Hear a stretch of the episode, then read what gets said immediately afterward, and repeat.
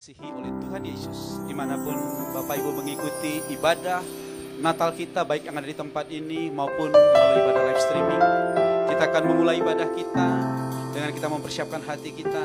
Kita berdoa kepada Tuhan. Mari kita buka hati kita dan kita berdoa. Bapa yang kami kasihi dan kami sembah di dalam nama Tuhan Yesus. Pagi ini Tuhan bersama-sama melalui ibadah doa puasa dan Natal ini kami boleh mengingat kembali tentang kelahiranmu di dalam kehidupan kami. Biar Tuhan kiranya Engkau berkenan hadir dan melawat ibadah ini ya Tuhan. Biar kiranya kami dedikasikan ibadah ini untuk hormat dan kemuliaan namamu. Kehadiranmu yang kami harapkan lebih daripada segalanya. Karena Yesus Engkau cukup bagi kami. Sebab Engkau Yesus yang menjadi jalan, kebenaran, dan hidup atas setiap kami. Terima kasih Bapak yang baik. Biarlah engkau melawat seluruh anak-anakmu yang mengikuti ibadah ini dari tempat ini. Maupun yang mengikuti dari rumah, dari mana pun mereka berada. Engkau Allah yang sama, Allah yang maha hadir. Akan melawat setiap anak-anakmu dan umatmu. Terima kasih Bapak. Berkati seluruh hamba-hambamu yang ikut ambil bagian. Untuk melayani ibadah Natal ini Tuhan. Biarlah Bapak kasihmu, pengurapanmu, kekuatanmu memenuhi anak-anakmu ya Tuhan. Sehingga sungguh yang terbaik itu yang akan dipersembahkan untuk hormat dan kemuliaan namamu. Sebab engkau Allah yang bertahta di atas pujian daripada umatmu. Sehingga hatimu disukakan, hatimu disenangkan ya Tuhan. Dan engkau akan melangkah dari surga untuk melawat setiap kami. Terima kasih Bapa yang baik. Kami memulai ibadah ini di dalam nama Bapa, Anak dan Roh Kudus. Di dalam nama Tuhan Yesus kami berdoa dan. Haleluya. Amin. Amin. Saudara kita sama-sama bangkit berdiri Bapak Ibu. Saya menyapa Bapak Ibu yang di rumah di mana pun Anda berada saat ini. Shalom. Halo. Apa kabar? Semuanya kabarnya sehat amin. Luar biasa. Biar pagi hari ini kita bersuka cita memuji Tuhan. Berikan tepuk tangan sorak-sorai bagi Allah kita. Yeay.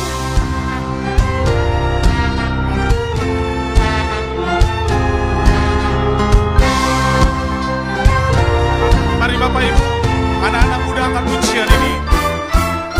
Yesus jalan kebenaran dan jalan kehidupan itu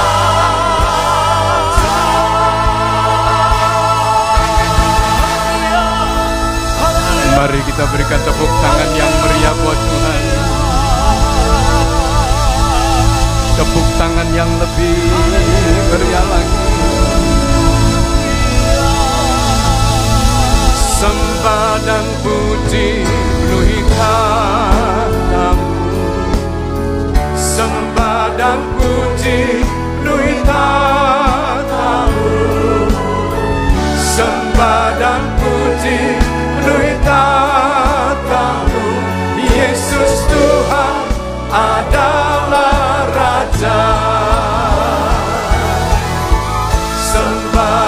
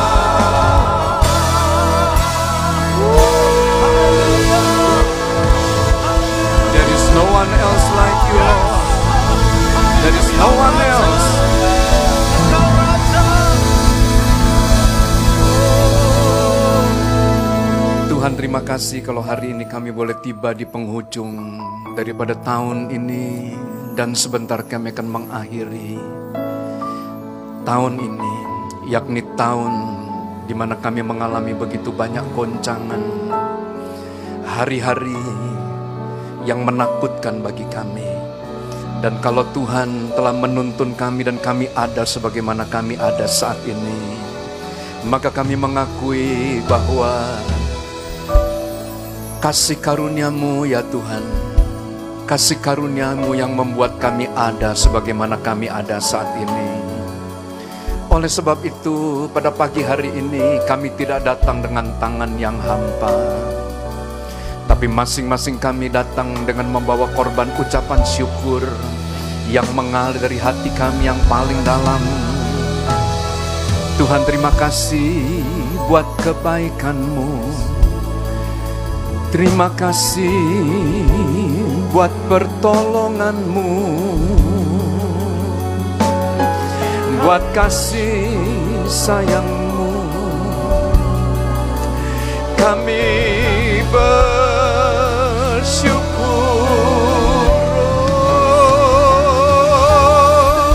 Terima kasih, terima kasih.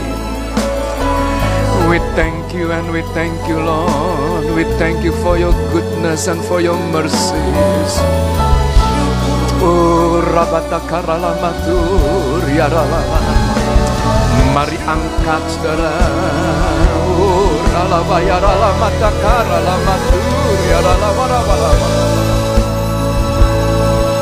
Kami percaya bahwa Engkau adalah Allah pemilik langit dan bumi. Dari manakah datangnya pertolongan kami? Pertolongan kami hanya datang semata-mata hanya daripadamu ya Tuhan. Oh, rabatakaramatu ya Kami berdoa, mari Tuhan tolong kami. Tolong kami untuk melewati tahun ini. Dan kau menuntun kami menyelesaikan tahun ini. Dan kami boleh mencapai garis finish dengan pertolonganmu ya Tuhan. Kalau kami memulai perjalanan tahun ini bersama-sama dengan Tuhan, kami akan juga mengakhiri bersama-sama dengan Tuhan. Oh ya. Dan kami mohonkan ya Tuhan ulurkan tanganmu Engkau membawa kami masuk dalam tahun yang baru. Tahun 2021 Dan kami akan mendedikasikan hidup kami Perjalanan kami usaha kami, pelayanan kami ke dalam tanganmu ya Tuhan. Kepadamu kami percaya, kepadamu kami berharap, ya Tuhan. Inama ya ralama sangko Siki nama ya ralama sangko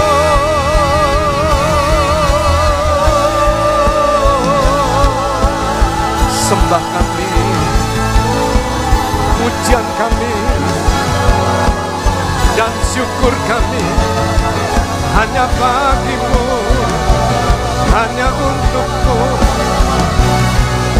Ya Allah dan Tuhan kami.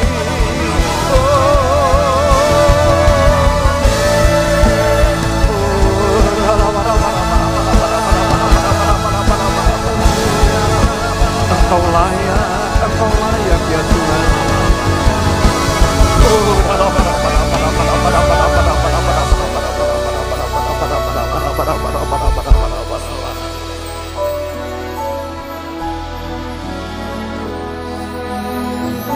Kami berdoa kiranya kasih dan damai Natal tercurah atas kami ya Tuhan. Jesus, Jesus. Penuhi kami, penuhi kami. Penuhi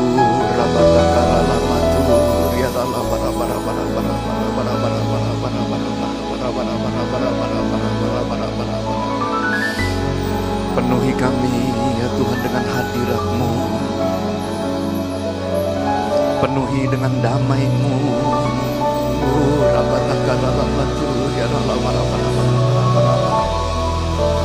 Penuhi dengan kasihmu ya Tuhan Izinkan kami menikmati betapa panjang dan betapa lebar,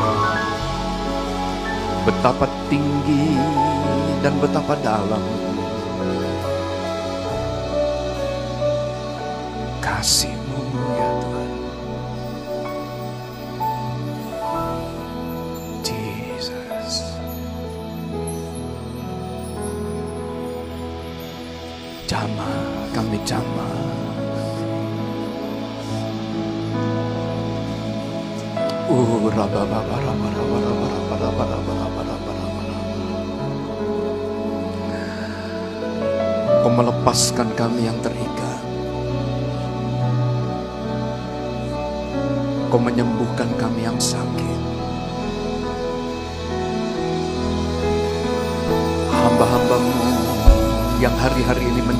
isolasi mandiri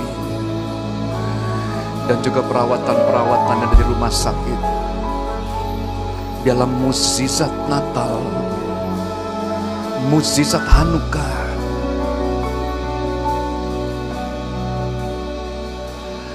Menjamah hamba-hambamu ini, ya Tuhan. Oh, rabataka ralamatu, ya ralabarabarabarabara. Memulihkan keadaan kami.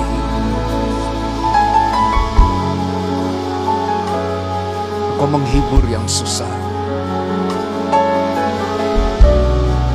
Jesus, Jesus.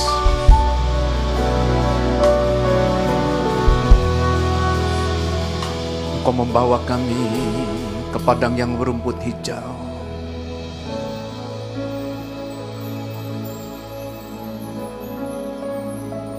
Dan ke air yang tenang.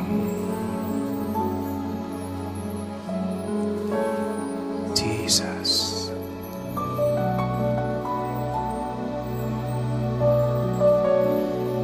tongkatmu dan gadangmu ya Tuhan.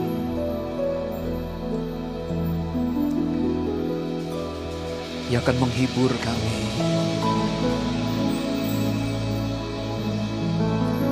Engkau mengurapi kami dan kau mengisi piala kami penuh melimpah. Engkau Tuhan yang menyediakan makanan bagi kami di hadapan lawan-lawan kami. Kemurahan-Mu, kebajikan-Mu selalu menyertai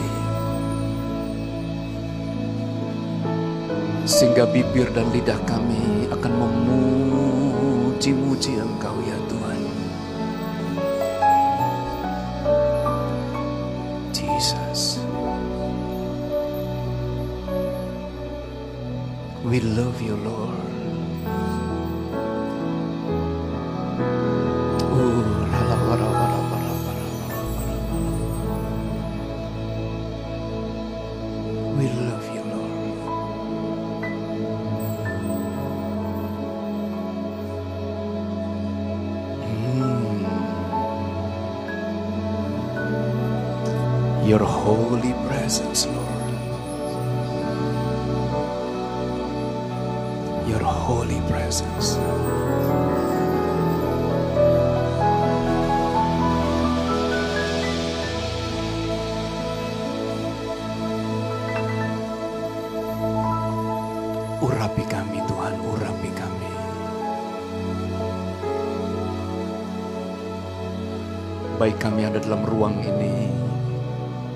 Maupun ada di rumah-rumah.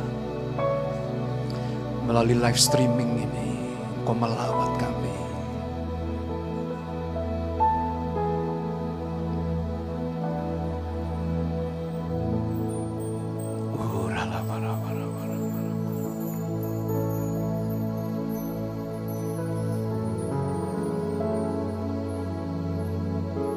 Terima kasih.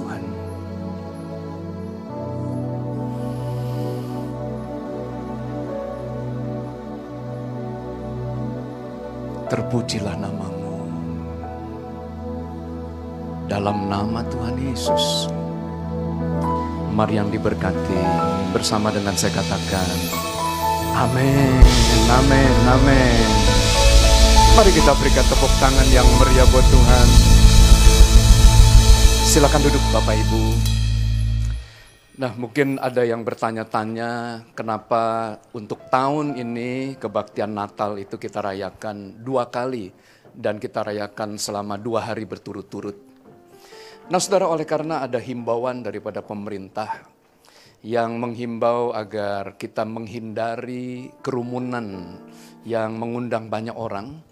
Nah oleh sebab itu saudara maka kita membagi kebaktian-kebaktian kita sekalipun ruangan ini bisa memuat 7000 bangku.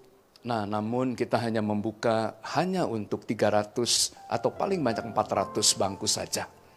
Dan itu pun maka kita kemudian membagi di hari yang pertama di tanggal 25 dan kemudian kita juga membuka di tanggal 26. Nah, hari ini Saudara, tema daripada Natal kita diambil dari Injil Yohanes pasal yang ke-14. Ayat yang ke-6 berkata bahwa Yesus adalah jalan, Yesus adalah kebenaran, dan Yesus itu adalah hidup. Dan tidak ada seorang pun yang datang kepada Bapa kalau tidak melalui aku, kata Tuhan. Bapak Ibu yang dikasih oleh Tuhan, Injil Yohanes pasal yang ke-14 ini mencatat hari-hari terakhir daripada Tuhan Yesus sebelum Tuhan itu naik ke atas kayu salib. Maka pada malam di mana Tuhan berkumpul bersama-sama dengan murid-muridnya, maka Tuhan berkata kepada murid-muridnya, "Janganlah gelisah hatimu, percayalah kepada Allah dan percayalah juga kepadaku." Di rumah Bapakku, kata Tuhan, ada begitu banyak tempat tinggal. Jika tidak, aku tidak akan mengatakannya kepadamu. Aku pergi kepada Bapa untuk mempersiapkan tempat bagimu, kata Tuhan kepada murid-murid. Supaya di tempat di mana aku berada, maka di situlah kamu juga berada. Saudara pada waktu Thomas mendengar Tuhan menyampaikan satu kabar, bukan kabar yang baik, tapi satu kabar, yakni kabar yang tidak baik, Karena Tuhan akan meninggalkan mereka. Saudara, dalam kegelisahannya, maka Thomas itu bertanya kepada Tuhan, Tuhan kami tidak tahu ke mana engkau pergi. Jadi bagaimana kami tahu jalan ke situ? Bapak Ibu yang dikasih oleh Tuhan, pertanyaan daripada Thomas ini kemudian menjadi berkat buat kita. Karena dia berkata, dia tidak tahu tempat di mana Tuhan itu akan berada. Dan ayat yang keenam yang merupakan tema daripada Natal kita. Jawaban Tuhan kepada pertanyaan daripada Thomas. Tuhan berkata, akulah jalan, akulah kebenaran, dan akulah adalah hidup itu. Dan tidak ada seorang pun dapat sampai kepada Bapa jika tidak melalui aku, kata Tuhan. Bapak Ibu yang dikasih oleh Tuhan, siapakah Thomas? Thomas ini adalah salah satu murid yang rasionya, yang cara berpikirnya itu sangat kritis. Pada waktu murid-murid bercerita bahwa Tuhan Yesus telah dibangkitkan daripada antara orang mati dan ada di tengah-tengah mereka. Maka Thomas berkata, jika aku tidak mencucukkan jariku kepada tangan Tuhan Yesus, maka aku tidak pernah bisa mempercayai. Saudara yang dikasih oleh Tuhan, Thomas adalah orang yang selalu mengandalkan kekuatan rasionya untuk berpikir. Pada waktu dia mendengar bahwa kabar Tuhan akan meninggalkan mereka, maka hati Thomas dipenuhi oleh kegelisahan. Saudara yang dikasih oleh Tuhan, pada tahun 2020 ini kita merayakan Natal di tengah-tengah kabar-kabar yang tidak baik. Di tengah-tengah situasi dan kondisi yang tidak baik. Setiap hari kita mendengar bahwa berapa banyak orang yang meninggal, berapa banyak orang yang terinfeksi, dan kemudian perkembangan daripada pandemi ini, saudara, sudah mulai tidak bisa lagi dikendalikan dan orang mulai berpikir herd immunity. Dan kita kemudian juga mendengar kabar yang tidak baik dari dunia usaha, bahwa resesi ekonomi itu mulai kemudian terjadi di seluruh dunia. Dan belum selesai, maka tadi pagi kita juga mendengar berita dari CNN bahwa Nashville, Amerika, itu dibom dan tidak tahu sampai hari ini siapa yang kemudian menaruh bom. Saudara yang dikasih oleh Tuhan, kabar demi kabar demi kabar yang tidak baik. Ini kemudian saudara menjadi konsumsi daripada kehidupan kita sehari-hari. Dan dengar, di tengah-tengah keadaan yang tidak baik ini, maka Tuhan berfirman kepada setiap kita. Let not your heart be troubled. Jangan gelisah. Percayalah kepada Yesus dan percayalah kepada Bapa. Bisa katakan amin? Nah, mengapa kita perlu kita perlu kemudian memposisikan hati kita untuk mempercayai Tuhan di tengah-tengah masa yang sulit seperti ini. 1 Petrus pasal yang kelima ayat yang ke-10 Alkitab mencatat bahwa Yesus itu adalah jalan menuju kepada Bapa. Dan Bapa di dalam ayat ini diterjemahkan sebagai sumber segala kasih karunia. Nah saudara mengapa kita perlu memiliki kasih karunia Bapa di tengah-tengah kesulitan seperti ini? Nah mari kita lihat di dalam Ibrani pasal yang keempat ayat yang ke-16. Alkitab berkata sebab itu marilah kita dengan penuh keberanian menghampiri tahta kasih karunia supaya kita menerima rahmat dan menemukan kasih karunia dan mendapatkan pertolongan kita pada waktunya. Bapak Ibu yang dikasih oleh Tuhan, di tengah-tengah keadaan yang tidak menentu, di tengah-tengah dunia sedang mengalami kesulitan yang tidak bisa dihindari, maka ada pesan firman Tuhan buat kita semuanya. Yesus adalah jalan. Dan Tuhan berkata, jangan gelisah. Jangan takut. Karena Tuhan telah membuka jalan buat kita. Sehingga kita bisa menghampiri Bapa yang adalah sumber daripada semua kasih karunia. Nah saya tidak tahu apa yang menjadi permasalahan, apa yang menjadi pergumulan, apa yang menjadi tantangan buat kita semuanya. Tapi dengar, Tuhan itu adalah solusi buat kita. Dia menyediakan kasih karunia buat kita. Pada waktu Anda menerima kasih karunia, Anda akan memperoleh pertolongan tepat pada waktunya. Bisa katakan amin? Nah, bisa berikan tepuk tangan yang lebih meriah. Firman jadi manusia Diam di antara kita Ada hidup terang bagi manusia Engkau datang bagi kepunyaanmu. Sekali lagi. Firman jadi manusia. Amin. Diam kita. Ada hidup terang bagi manusia. Engkau datang bagi kepunyaanmu.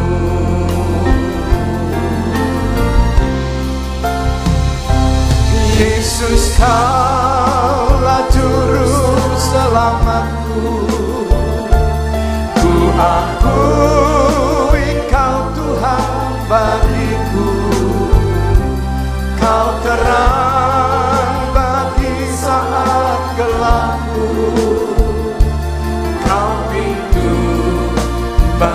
setiap jalan Sering dikasih oleh Tuhan, dengar Seringkali berita yang buruk, berita yang tidak baik, membuat hati kita gelisah. Membuat iman kita itu menjadi goyang.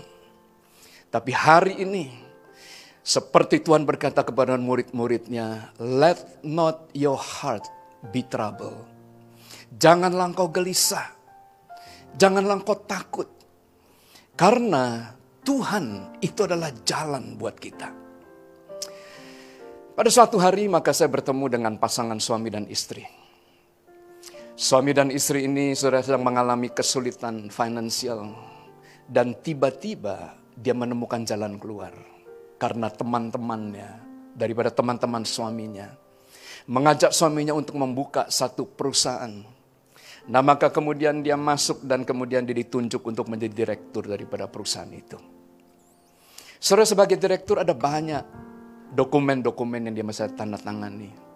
Dan mereka mengajukan pinjaman ke bank. Dan kemudian sebagai direktur utama, maka dia adalah orang yang paling bertanggung jawab. Di antara para pemegang saham lainnya. Nah saudara singkat cerita apa yang terjadi? Sesuatu yang dia anggap sebagai jalan keluar dan berkat di tengah-tengah tantangan dan permasalahan ekonomi yang dihadapi tiba-tiba berubah menjadi bencana. Teman-temannya meninggalkan dia dengan membawa lari uang bank dan nama dia yang ada kemudian sebagai penjamin. Dan dia harus membayar semuanya dalam keadaan yang tidak baik. Singkat cerita, maka suami ini dan eh, suami istri ini kehilangan segala sesuatu yang mereka miliki dan mereka kumpulkan selama bertahun-tahun. Saudara, Suaminya tidak berani berbicara kepada istrinya tentang apa yang sedang terjadi oleh karena teman-temannya sendiri yang kemudian menipu dia dan yang membawa lari semuanya. Dan dia tinggal sebagai orang yang memikul tanggung jawab.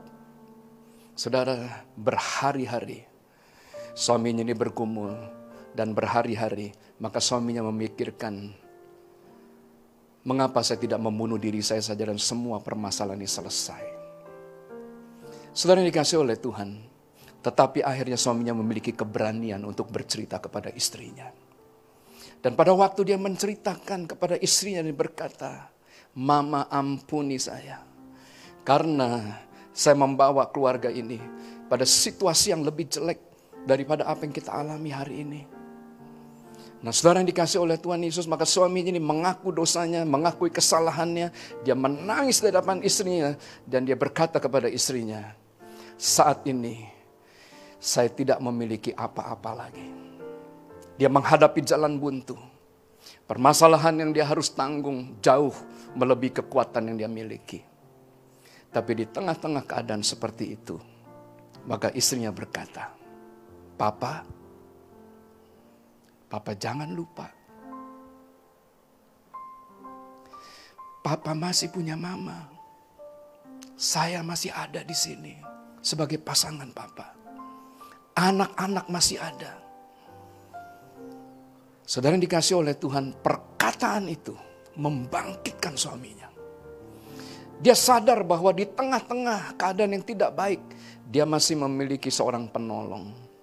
Bapak Ibu yang dikasih oleh Tuhan, mungkin Anda mengalami masa-masa yang susah, masa-masa yang sukar di sepanjang tahun 2020 ini. Tapi dengar, di tengah-tengah keadaan yang tidak menyenangkan, kita masih punya Tuhan. Kita masih punya Tuhan. Dan Tuhan itu adalah jalan.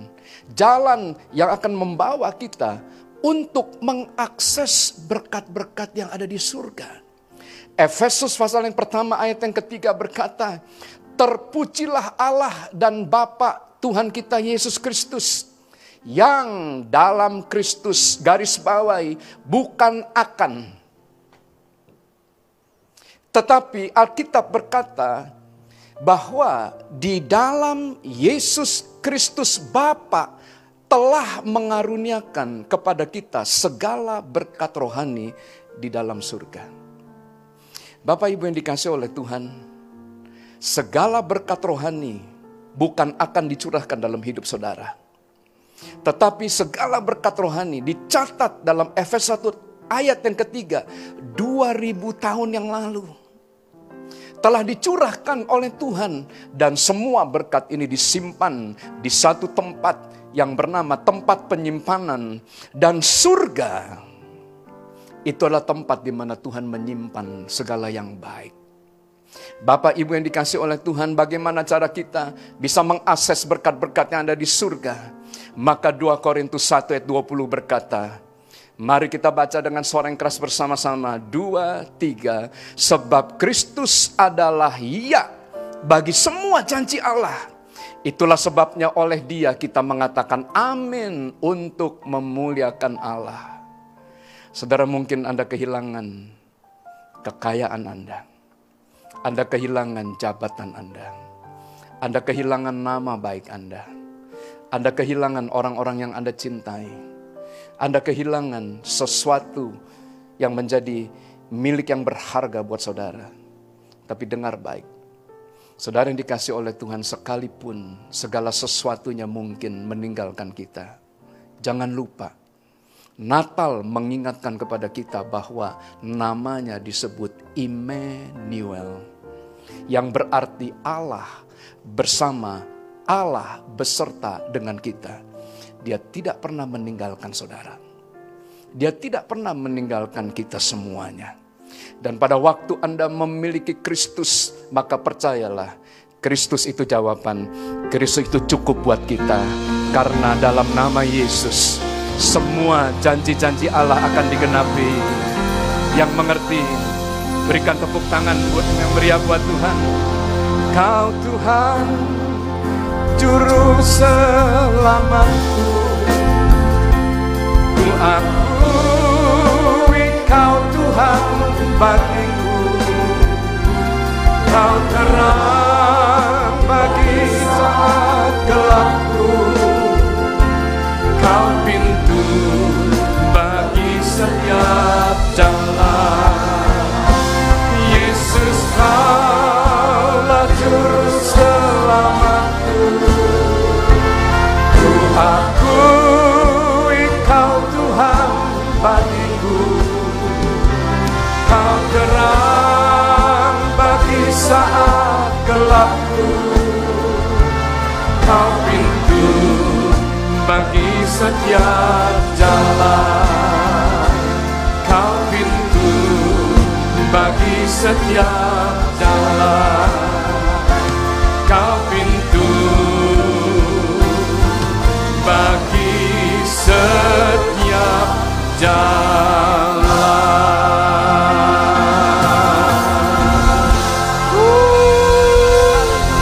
Mari katakan.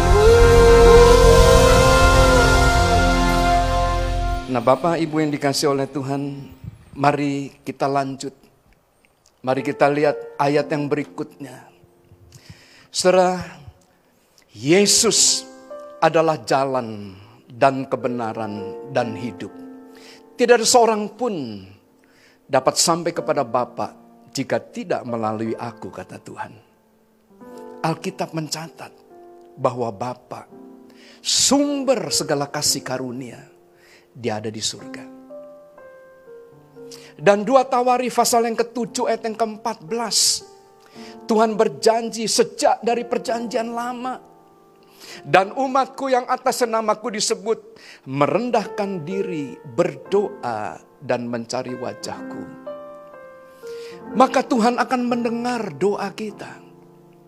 Saudara yang dikasih oleh Tuhan, kita selalu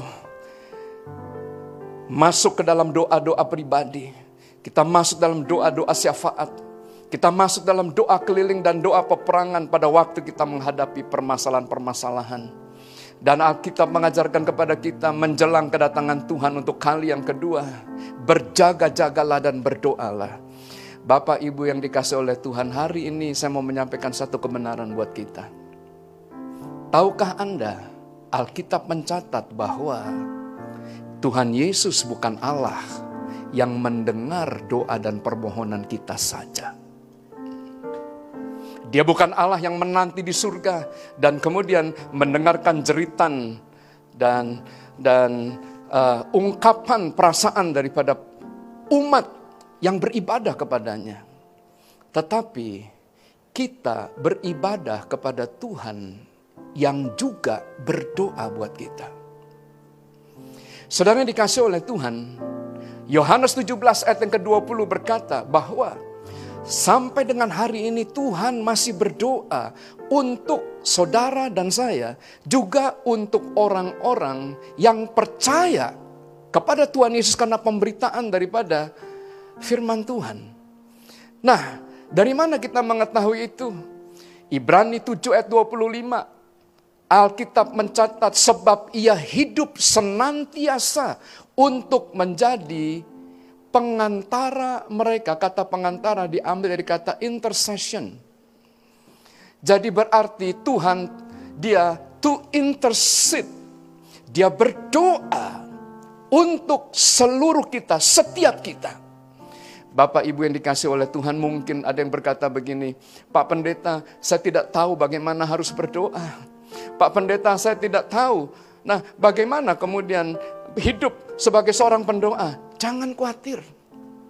Jangan khawatir, kita tidak beribadah kepada Allah yang mendengar doa, tapi kita beribadah kepada Allah yang berdoa buat kita. Saudara yang dikasih oleh Tuhan, saya percaya, saya percaya kalau Anda ngerti ini, Anda tidak akan gelisah, Anda tidak akan takut lagi. Siapa yang tidak gelisah dan tidak takut, dipercayakan pembangunan daripada rumah Tuhan yang sebesar ini.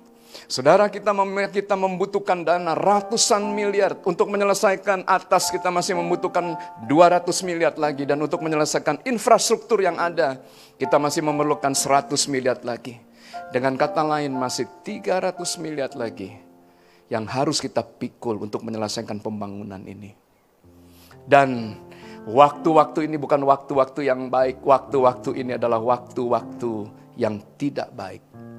Tetapi saya melihat dan saya mengerti bahwa pada waktu kita berdoa, maka sebagai imam besar agung, Tuhan mendengar doa kita dan dia tidak tinggal diam.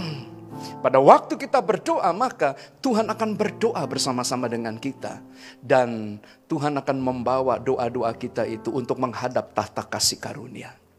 Yakni supaya pada waktu tiba waktunya Tuhan kita mendapat pertolongan pada waktunya. Dan saya mau bersaksi kepada saudara. Di tengah-tengah kesulitan dan masa-masa yang sulit seperti ini. Maka yang pertama, saudara taman yang ada di depan pintu masuk dan ada di pintu keluar berhasil diselesaikan. Bukankah Tuhan itu adalah Allah yang luar biasa? Bukan hanya taman, menara doa, 24 jam tempat di mana kita naikkan doa-doa Dan doa-doa yang kita naikkan itu juga akan menjadi topik doa daripada Tuhan Yesus. Nah maka dengan cara yang ajaib semua itu bisa selesai. Slap 36 yaitu ayat-ayat firman Tuhan yang tercantum di dinding. Semua itu selesai. Saudara, kita melihat bahwa janji Tuhan di tengah-tengah goncangan, maka berkat yang indah dari segarang pulau itu mengalir ke dalam rumah Tuhan. Bukankah Tuhan itu adalah Allah yang ajaib? Kau Tuhan lah juru selamatku. Ku akui kau Tuhan bagiku. Kau terang bagi saat gelapku. Kau pintu bagi setiap jalan. Yesus kaulah juru selamatku. Kau Tuhan bagiku. Kau terang bagi saat gelapku. Kau pintu bagi semua Jangan lupa, Christmas adalah pesan di mana Bapa sangat mengasihi kita. Sehingga Bapak mengaruniakan anaknya yang tunggal. Supaya barang siapa yang percaya, dia tidak binasa. Melainkan beroleh hidup yang kekal. Dengar, Anda tidak pernah ditinggalkan sendirian. Anda tidak pernah ditinggalkan yatim piatu. Saudara yang dikasih oleh Tuhan, mari kita lanjutkan. Tuhan itu bukan hanya jalan menuju kepada Bapa, menuju kepada sumber, tetapi Yesus juga adalah jalan menuju ke tempat kudus. Saudara yang dikasih oleh Tuhan, apa yang ada di dalam tempat kudus, saya tidak bisa lama-lama di sini Anda capture saja. Nah, maka screen yang selanjutnya di dalam Yeskiel pasal yang ke-47 ayat yang pertama sampai ayat yang ke-9. Maka Alkitab mencatat di dalam tempat kudus akan mengalir aliran-aliran air kehidupan. Dan saudara, ayat yang ke-9, ke mana saja sungai itu mengalir, maka segala makhluk hidup berkeriapan di sana. Ikan-ikan akan menjadi sangat banyak. Dan air laut di sekelilingnya akan menjadi tawar. Bahkan dicatat saudara, air yang dari pintu bait Allah ini akan mengalir sampai dengan ke laut mati. Dan di laut mati, saudara muncul kehidupan demi kehidupan. Pada waktu Yesus datang, maka malaikat berkata, kesukaan yang besar atas seluruh dunia. Damai sejahtera atas seluruh penduduk bumi.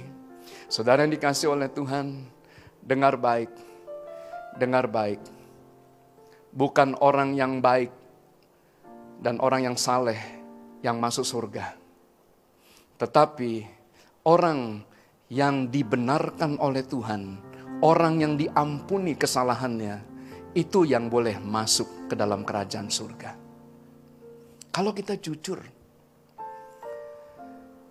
mari kita bertanya kepada diri kita sendiri. Siapa di antara kita yang belum pernah jatuh ke dalam dosa? Siapa dari antara kita yang tidak berdosa? Dan upah dosa adalah maut. Saudara dikasih oleh Tuhan, dari kecil saya berpikir bahwa surga tempat orang yang baik-baik tinggal dan neraka tempat orang yang nakal dan tempat orang yang jahat. Oh tidak. Pada waktu saya belajar Alkitab, saya mengerti surga adalah tempat di mana orang mau menerima kasih karunia yang disediakan oleh Bapa di dalam Kristus Yesus Tuhan. Tetapi neraka itu adalah tempat di mana orang menolak kasih karunia Tuhan dan menolak Kristus Yesus sebagai Tuhan dan Juru Selamat pribadinya. Nah Bapak Ibu yang dikasih oleh Tuhan, Yohanes pasal yang ke-7 ayat yang ke-38 berkata, Barang siapa percaya kepadaku, seperti yang dikatakan oleh kitab suci, maka dengar baik, dari dalam hatinya Dari dalam kehidupannya akan mengalir aliran-aliran air hidup. Saudara, bagaimana cara kita menghadapi COVID-19 yang tidak jelas sampai dengan hari ini? Nah maka dengar, Alkitab mencatat pada waktu kita percaya kepada Tuhan. Pada waktu kita sungguh-sungguh percaya dan kita tidak gelisah, kita tidak gentar, kita tidak dipenuhi oleh ketakutan. Maka dari dalam hati orang yang percaya akan mengalir aliran-aliran air hidup. Dan pada waktu aliran air hidup itu mengalir, maka Yehezkiel 47 ayat yang ke-12 mencatat ke mana pun aliran itu mengalir, maka kesembuhan itu terjadi. Saudara tangkap baik-baik ini. Mungkin hari-hari ini Anda dipenuhi dengan kegelisahan, Anda dipenuhi dengan ketakutan. Maka Tuhan berkata, let not your heart be troubled. Jangan gelisah, jangan gentar. Karena Tuhan itu adalah dia jalan, dia kebenaran, dan dia adalah hidup kita. Yang mengerti berikan tepuk tangan yang meriah buat Tuhan. Engkaulah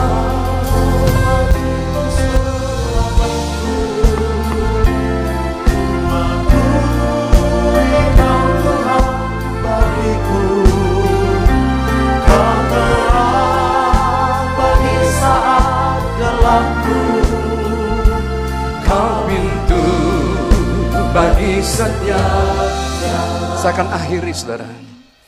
Yohanes 17 ayat 17 Alkitab mencatat bahwa Yesus kuduskanlah mereka dalam kebenaran.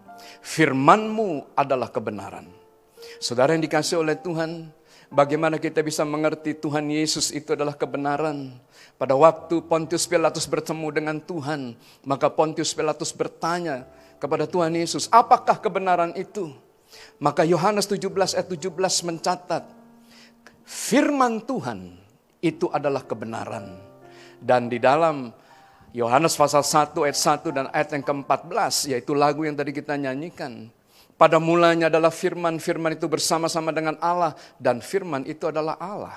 Dan firman itu telah menjelma menjadi manusia dan diam di antara kita. Dan kita telah melihat kemuliaannya. Bapak, Ibu yang dikasih oleh Tuhan. Mengapa kita memerlukan kebenaran pada hari-hari ini? Dan tema daripada gereja kita untuk tahun yang baru ini adalah hidup dalam kebenaran. Bapak Ibu yang dikasih oleh Tuhan, karena Alkitab berkata menjelang kedatangan Tuhan untuk kali yang kedua. Akan terjadi goncangan-goncangan. Ada Mesias palsu. Nah kemudian ada deru peperangan, bencana alam, pengkhianatan, nabi palsu, kedurhakaan. Dan kasih kebanyakan orang menjadi dingin. Tapi di tengah-tengah masa yang sukar seperti itu. Maka Yesaya 32 ayat 17 berkata, di mana ada kebenaran, di situ akan tumbuh damai sejahtera. Dan akibat daripada kebenaran adalah ketenangan dan ketentraman. Saudara, Anda boleh mendengar deru peperangan ada di mana-mana. Anda boleh melihat malapetaka itu mulai kemudian saudara menghantam dunia. Anda boleh boleh boleh menghadapi masa-masa yang sukar, tapi percayalah pada waktu kebenaran itu ada di dalam hati saudara. Anda menyimpan firman Tuhan di dalam hati dan pikiran saudara. Maka saya percaya kegelisahan itu tidak bisa menguasai saudara. Karena di mana ada kebenaran, maka di situ akan tumbuh damai sejahtera. Dan akibat daripada kebenaran adalah ketenangan dan ketentraman. Saya berdoa, biarlah melalui kebaktian Natal ini, saudara dipenuhi dengan damai sejahtera. Anda dipenuhi dengan ketenangan dan Anda dipenuhi dengan ketentraman. Bisa katakan amin? Dan yang terakhir, Yesus itu adalah hidup. Dan waktu Tuhan datang 2000 tahun yang lalu, maka tujuan daripada dia datang, dengar, Tuhan tidak pernah datang untuk mengambil. Tuhan tidak pernah datang untuk memperoleh apa yang kemudian Anda kuasai. Dia tidak tertarik dengan kekayaan kita, dia tidak tertarik dengan harta kita, dia tidak tertarik dengan jabatan kita. Karena waktu dia datang, maka Tuhan mendeklarasikan dirinya, aku datang hanya untuk satu tujuan, yakni aku datang untuk memberi. Saudara Alkitab berkata, ia yang kaya rela menjadi miskin karena kita, karena saudara, karena saya, supaya oleh karena kemiskinannya, saudara dan saya diperkaya. Dia tidak pernah datang untuk mengambil. Dia tidak pernah datang untuk mencuri. Tapi dia datang untuk memberikan hidup. Dan Tuhan memberikan kepada saudara, kepada saya, yaitu hidup yang berkelimpahan. Matius 6 ayat 25. Tuhan mengajar kepada murid-murid pada waktu dia khotbah di atas bukit bahwa hidup itu jauh lebih penting daripada makanan dan minuman. Berapa banyak kita khawatir dengan apa yang kita makan, minum, dan pakai. Kita sibuk dengan apa yang kita makan dan minum dan pakai. Kita melupakan bahwa ada yang lebih penting daripada sekedar makanan, minuman, dan pakaian. Yakni hidup kita lebih penting. Dan Tuhan berkata, akulah hidup itu. Bapak Ibu yang dikasih oleh Tuhan, bagaimana cara kita bisa menemukan Tuhan di tengah-tengah pandemi yang ada di tengah-tengah masa-masa yang sulit seperti ini. Nah, saya akan mengakhiri saudara. Matius pasal yang keempat, ayat yang keempat. Tetapi Yesus menjawab ada tertulis manusia hidup bukan dari roti saja, tetapi dari setiap firman yang keluar dari mulut Allah. Saya berharap saudara bahwa istilah Kristen kapal selam itu tidak lagi terdengar di tahun-tahun yang akan datang. Yakni kita beribadah, kita mendengar firman hanya pada waktu kebaktian-kebaktian Natal. Tetapi mari setelah kita menerima Tuhan dan Juru Selamat pribadi kita, maka kita mendisiplinkan hidup kita untuk membaca firman Tuhan. Karena manusia hidup bukan dari roti saja. Matius 19 ayat yang ke-17. Alkitab berkata, tetapi jikalau engkau ingin masuk ke dalam hidup, turutilah segala perintah Allah.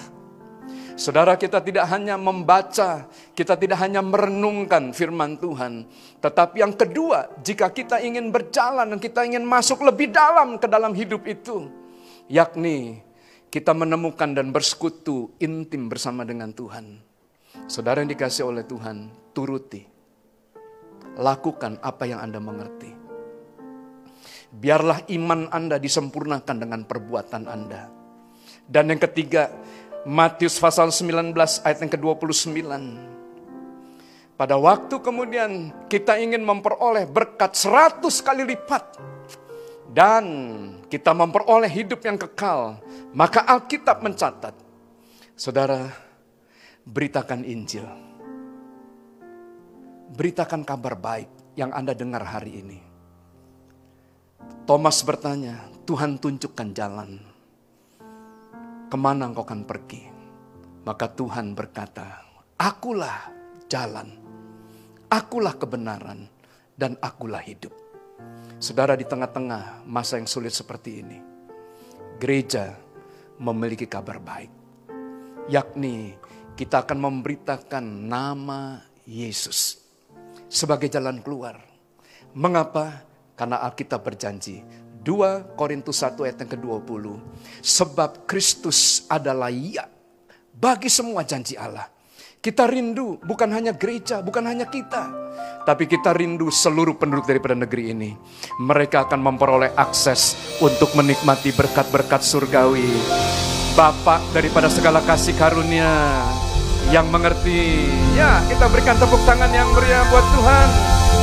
Tepuk tangan yang lebih meriah lagi.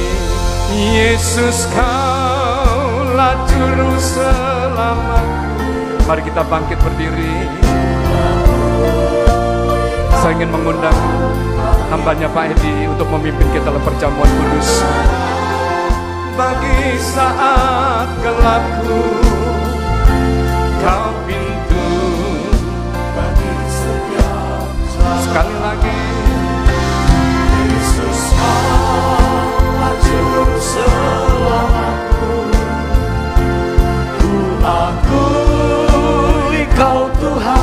bagiku.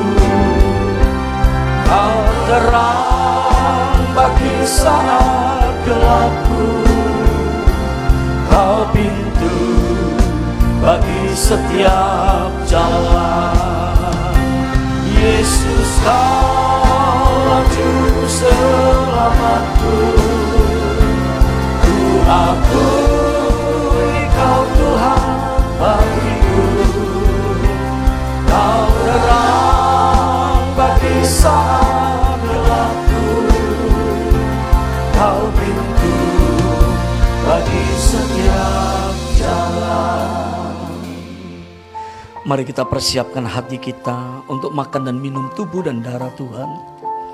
Bagi Bapak Ibu saudara yang berada di rumah, mari siapkan hati kita dan siapkan roti dan anggur. Dan kiranya pada waktu kita memperingati Natal ini, maka kita juga menikmati persekutuan di dalam Tuhan. Mari angkat roti di tangan kanan kita tinggi. Sebab apa yang telah kuteruskan kepadamu telah aku terima dari Tuhan. Yaitu bahwa Tuhan Yesus pada malam waktu ia diserahkan. Ia mengambil roti. Sesudah itu ia mengucap syukur atasnya. Ia memecah-mecahkannya. Dan berkata, inilah tubuhku yang diserahkan bagi kamu. Perbuatlah ini menjadi peringatan akan aku. Bapak ibu saudara yang dikasih oleh Tuhan Yesus. Bukankah roti yang atasnya kita mengucapkan syukur adalah persekutuan kita di dalam tubuh Kristus. Makanlah dalam nama Tuhan Yesus.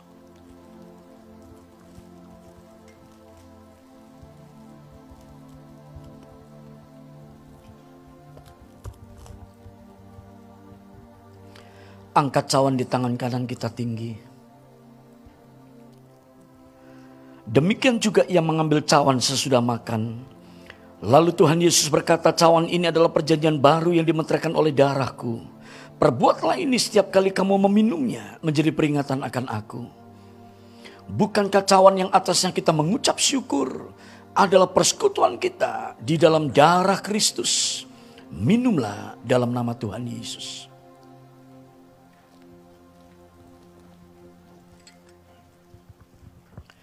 Mari buka kedua tangan kita.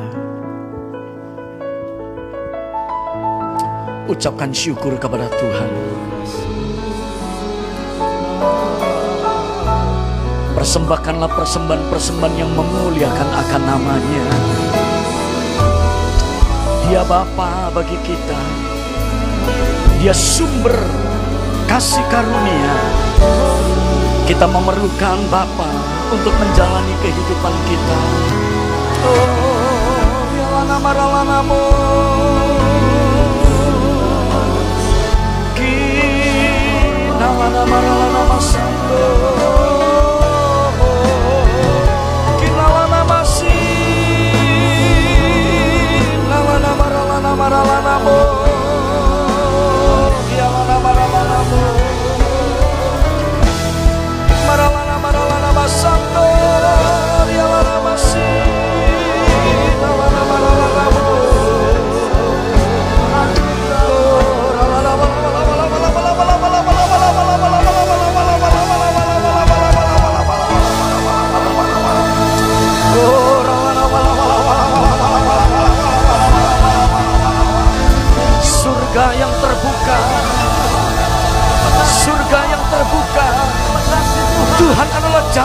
Dan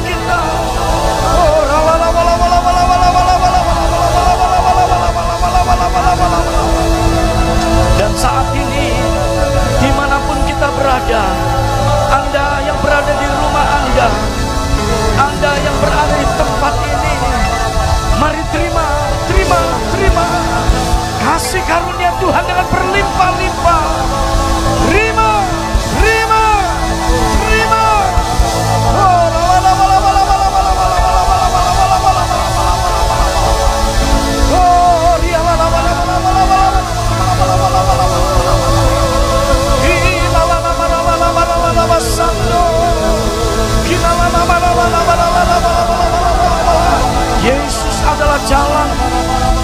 jalan kepada Bapa.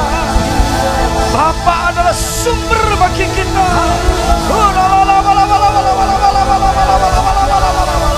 Yesus adalah kebenaran. Firman-Nya adalah kebenaran. Dan Dia adalah hidup, hidup. Saudara, la, jamah kami, jamah kami, jamah hati kami,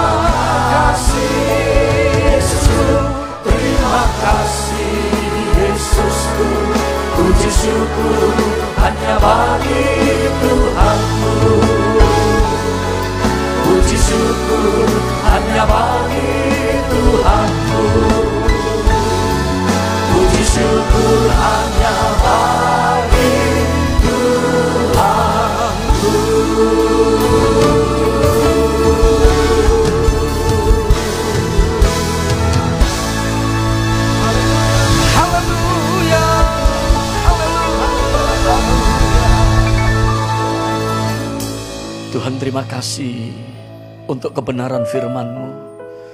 Terima kasih untuk hambamu, gembala pembina kami, Bapak Pendeta Bambang Yonan. Tuhan berkat-Mu atas kehidupan keluarga daripada hambamu. Terima kasih untuk ibadah kami di hari ini. Kiranya namamu dipermuliakan. Kami bersyukur untuk damai Natal, untuk berkat Natal, untuk damai sejahtera yang berlimpah-limpah, ketenangan dan juga kesejahteraan bagi kami. Ketenteraman kau berikan bagi kami. Terima kasih. Hormat pujian hanya bagimu dalam nama Tuhan Yesus. Bersama-sama kita katakan, Amin. Silakan duduk kembali Bapak Ibu.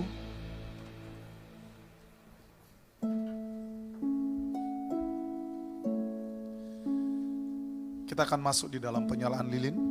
Kami mohon Bapak Ibu yang kami panggilkan boleh bisa maju ke depan. Yang pertama sekali kami mengundang dengan hormat Bapak Pendeta Dr. Aka Harahap, perwakilan dari Yayasan Pelita Kebenaran. Selanjutnya Ibu Dr. Gigi Anita mewakili YSKI atau Pelmas. Selanjutnya kami mengundang Bapak F. Siagian mewakili Fokus.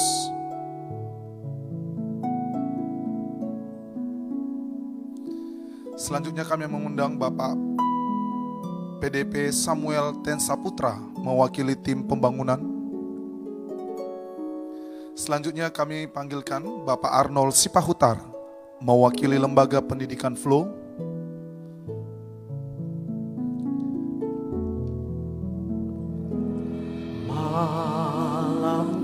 Pertama sekali lilin akan dinyalakan oleh Bapak Pendeta Dr. Aka Harahap.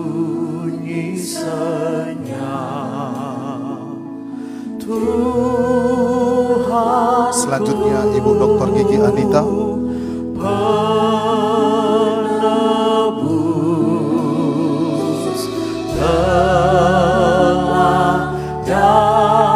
Selanjutnya Bapak F. Siagian. Saya undang Bapak Ibu bersama bangkit berdiri.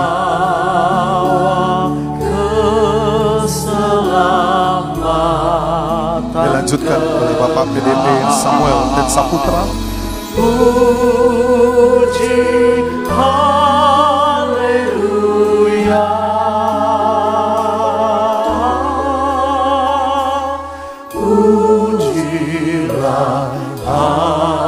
Dan yang terakhir Bapak Arnold Sipahuta mewakili lembaga pendidikan Flow. Sunyi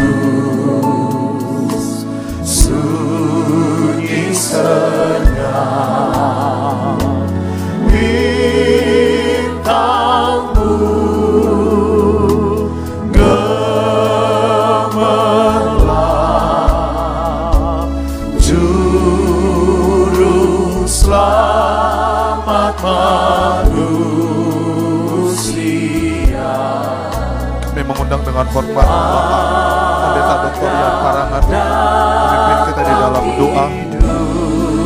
Dan mengucap syukur Dan mengucap syukur.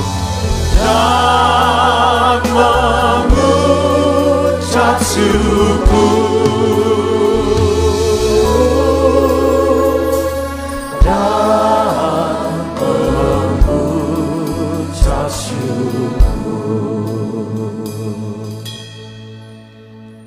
Datang untuk menyembah. Kami datang untuk bersyukur Tuhan. Untuk semua anugerah pemberian yang ajaib dari surga bagi kami. Yaitu Yesus Kristus, Sang Pemberi kasih karunia. Yang olehnya kami boleh menerima keselamatan. Dosa-dosa kami yang ada di masa lampau. Tuhan ampuni waktu kami mengakuinya di hadapan Tuhan. Bahkan Engkau menjamin bagi kami Hadirat Tuhan akan memulihkan kehidupan kami, menyembuhkan penyakit kami Tuhan. Terima kasih Bapa. Bahkan Engkau menyediakan surga buat kehidupan kami. Karena Engkau adalah jalan kebenaran dan hidup itu. Kami bersyukur untuk pesan Natal yang kami boleh dengar pagi hari ini. Kami percaya kami semua dibaharui kembali Tuhan. Sehingga kami tidak hidup dalam ketakutan, kami tidak hidup dalam kegelisahan, kami tidak hidup dalam ketakutan. Karena kami punya Tuhan yang menjamin hidup kami. Bapak terima kasih. Biarlah terang Tuhan terus bersinar melalui kehidupan gerejamu Tuhan. Kami bersyukur untuk penyertaan Tuhan yang ajaib sepanjang 2020. Berkenanlah Tuhan melanjutkannya ya Tuhan di tahun-tahun berikutnya. Sampai kehendakmu sempurna atas gerejamu Tuhan. Kami boleh menjadi saksi Kristus di kota ini, provinsi Sumatera Utara, bahkan sampai ke bangsa-bangsa. Bapak kami mengangkat tangan kami mohon berkat Tuhan bagi hamba-hambamu para pemimpin rohani kami Tuhan. Kami mengangkat hambamu Dr. Niko Nyotora Harjo, pembina rohani kami di Jakarta dan seluruh tim. Urapi hambamu pakai menjadi berkat bagi bangsa-bangsa. Kami bersyukur untuk gembala pembina kami, hambamu Pendeta Er Bambang Yonan Tuhan, dan Ibu Alfred dan Tiffany. Kami mohon perlindungan yang sempurna daripada Tuhan melindungi hambamu Tuhan. Visi yang besar yang Tuhan letakkan dalam hati hambamu oleh kekuatan kasih karunia Tuhan akan diwujudkan melalui pelayanan gerejamu di Sumatera Utara ini Tuhan. Jadikan hambamu berkat ke mana pun Tuhan mengutus hambamu. Kami juga bersuka cita bersama hambamu, gembala sidang kami, Bapak Pendeta Daniel Edi Prayitno Tuhan. Ibu Nur Intan, Melsa dan Yuda, kami bersuka cita bersama hambamu. Pakai hambamu ya Tuhan, menggenapkan mimpi-mimpi Tuhan. Terima kasih Bapak, Engkau sungguh baik dan sangat baik. Terima kasih untuk pengorbanan Kristus. Mati di kayu salib yang kami peringati melalui perjamuan Tuhan. Kami diteguhkan bahwa Engkau sangat mengasihi kami. Terima kasih Bapak. Bersama kami juga mengangkat tangan kami. Memohon berkat Tuhan bagi negeri kami Indonesia. Kami terus mengucapkan damailah Indonesia. Majulah Indonesia. Pulih dan sembuhlah Indonesia. Berkati Bapak Presiden Joko Widodo, Bapak Wakil Presiden Ma'ruf Amin, seluruh kabinet Indonesia maju. Kami berdoa untuk Gubernur, Wali Kota, Bupati, khususnya yang baru terpilih yang akan bertugas tahun yang akan datang.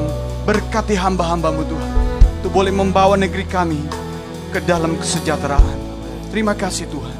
Terima kasih untuk kebaikanmu. Bila di dalam perayaan Natal ini kami juga akan membawa persembahan-persembahan kami.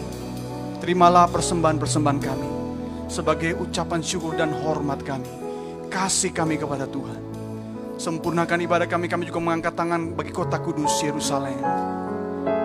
Kami mengucapkan shalom bagimu Yerusalem. Diberkatilah puri-puri dan tembok-tembokmu dengan sentosa dan dengan keselamatan.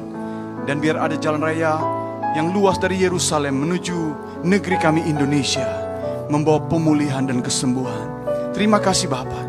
Ini puji hormat kami.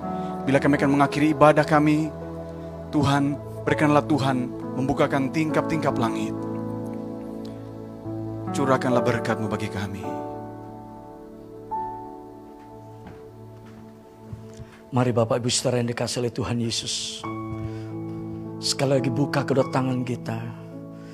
Kiranya berkat dan damai Natal ketenta- ketenangan, ketenteraman menyertai perjalanan Bapak Ibu Saudara menutup tahun 2020 ini dan nantinya memasuki perjalanan tahun 2021. Tuhan menyertai dengan anugerah yang berlimpah-limpah.